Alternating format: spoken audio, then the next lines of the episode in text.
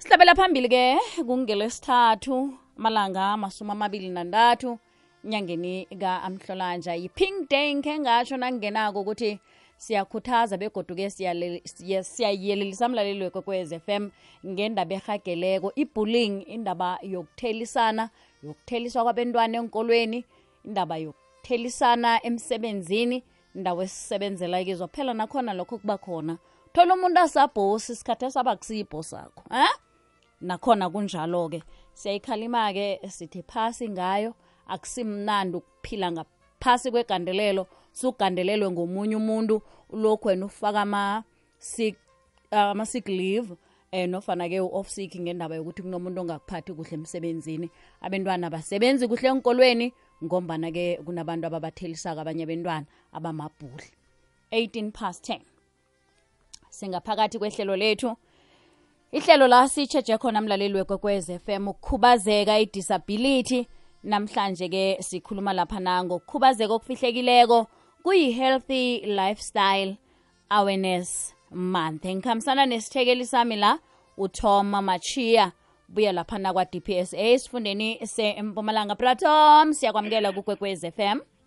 JD angikwamukele ngithokoze ngikulotshise ngilotshise nomlaleli ekhaya emhatshweni omkhulu f FM kukhanya ba kukhanya ba ngiyathokoza platon mna sikhuluma ngokukhubazeka okufihlekileko ngokunjani eh JD ku ukukhubazeka okufihlekileko eh kukhubazeka lokhu othi umuntu nakakhamba lapha endleleni namkha umbone nje azihlalele lapha ungaboni ukuthi unomraro othize namkha unama limitations athize empilweni yakhe eh sihlukanisa ngokuthi asithathe ukuthi umuntu onokukhubazeka kodwana ongasebenzisi isetshenziswa esithile i-assistive device le omunye nomunye umuntu okhona ukuthi ayibone ngikwenzela umzekeliso ngokuthi njengami ngiyazazi ngisebenzisa isitulo sokukhamba nangivela lapha akukuthathi isikhathi j b bana j d nomlaleli ukuthi babone ukuthi nangu uthoma usebenzisa isitulo sokuhamba chuthi ukhubazekile namkha ingodo zokudzimelela namkha i-walking stick iy'lwanyana ezinjengalezo lezi ezibonakala ukhona kubona ngazo msinya ukuthi umuntu ukhubazekile kodwana omunye umuntu okhubazekileko sithi unokhubazeka ukufihlekileko ngilo ongakhoni ukubona ukuthi um ukhubazekile ngombana akunasetshenziswa asisebenzisako lesi esikwenza ukuthi wena ukuthi ukude namkha uhlangana naye ubone ukuthi eh unama-limitations namkha unokukhubazeka namkha une-impairment ethile alrighty asithengise bratom siyabuya-ke mlaleli wekwekwez f m sihlabela phambili nawe-ke thumela wakho umbuzo mayelana nesihloko esesisiphetheko nobratom lapha kulomkhanyo khona ithemba likhona lele ujd kukwekwezi fm nangambala kukhanya ba ibamasumi amabili lenga ngembili ngemva kwesimbi yesumi 22 minutes past 10 o'clock umlaleli f fm sesesiqunini sesibili sehlelo ngimnawe elimumethe ihlelo eh, le-disability la sikhuluma khona ngokukhubazeka okufihlekileko ngikhambisana nesithekeli sami utom machia buye lapha kwa dpsa esifundeni sempumalanga na usanda ukhwela iteksi-ke ngiyacabanga ukuthi sozwile ukuthi sikhuluma ngani nawe-ke ungaba yingcenye ehlelo lethu ngokuthi uthumele lapha na umbuzo wakho ukuba buthaka-ke namkha ukuthathela kude ukufunda nakho singatsho eh sithi kukhubazeka okufihlekileko bratom jd kukhubazeka ofihlekileko kunalento sibiza ukuthi ma-learning disabilities ngikho uthola sinama-special school eh sibuye sibe nama-care centers la abanye abantwana sithi thina bama-slow lena eh laba bangakhoni ukubamba njengabanye abantwana ematasini eh kunabantwana mhlambe nawubafundisa imbalo kunendlela eba ebangazwisisi ngayo abangabambi kuhle njalo njalo so abantwana abaningi nangathi uyaqala eh enkolweni ngikho ku-introduce lento ye-inclusive education ngilaba esibabiza ngokuthi eh bama-special needs or ya learners with special needs so lokho kubangwa ukuthi kunama-learning disabilities eh mm. kunendlela ngamanye amagama umntwana loyo ukhubazekile eh cognitively or intellectually so lokho kwenza ukuthi umntwana loyo esikolweni angakhona ukubamba njengabanye khubazeka lokho ngombana nakakuhamba lapha awumboni kodwana nakaseklasini uba nama-limitations namkha umkhumbulo wakhe usebenza ukufikela la ufikela khona ubereki njengewabanye abantwana so ngikho sithi umntwana loyo ukhubazekile eh naza kwezefundo udosa mzimanyana udosa ngedizili so umntwana njengaloyo ngikho ngikho sithi thina kunama-learning disabilities i-disability ikhona konke nokhuluma ngokuthi i-disability khona konke eh, eh bratom yazi ungibuyisele emva kune-code enye ngikhe ngayibona itsujuliwe ukukhulunywa la ukuthi omunye nomunye umuntu eh okhona ephasini unokhubazeka okuthileko eh JP wena j d into leyo ikhona ngombana wena ngendlela ungakho awufani nami eh ningaba bomani be nifane nobabili eh uthothi omunye ugcoka inyathelo usize 3 wena ugcoka usize 7 so uyothi ngubani okhubazekileko hlangana nani nobabili yeah so ngamanye amagama omunye nomunye umuntu unokukhubazeka kwakhe kodwana akulingani nokomunye Mhm. akufani nekomunye mhm. akubonakali njengomunye kunokugulela futhi okufana nobulwele bokuwa isithunthwani nakho kuyabalwa eh naku-epilepsy ngenye yokugula okungabonakaliko eh njengoba usibalile isithunthwana uqala ukuthi abantu abaningi abane-epilepsy emkhumbulweni baba nenkinga eh ku-speech namkha mm. ilimi nakumele bakhulume eh, ispeech sabo siba nenkinga lokho kwenza ukuthi mm. nasithi epilepsy umuntu akhona ugcina anama multiple disabilities la wena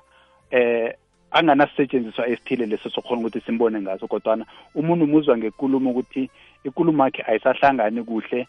yenzwa ukuthi emkhumbulweni kunala athindeke khona eh ene lokho kubangwa ukuthi esikhathini esiningi bayawa nokuwa nawuwako uthoka ukuthi umuntu wabetha kabuhlungu ngehloko phasi ukhumbule ukuthi ihloko iphethe into eziningi umkhumbulo uyathinteka eh ispeech sakhe siyathinteka mhm mlaleli wekwekwez f m sithinda ku-0 861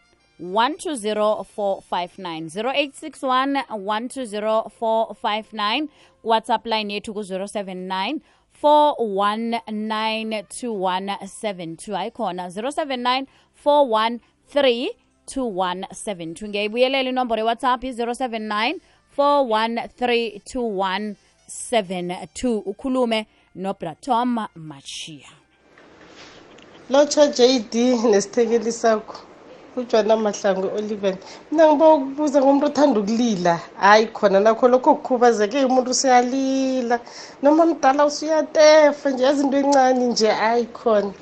nakho lokho ngaba ngiso sifo shona ayi um bratom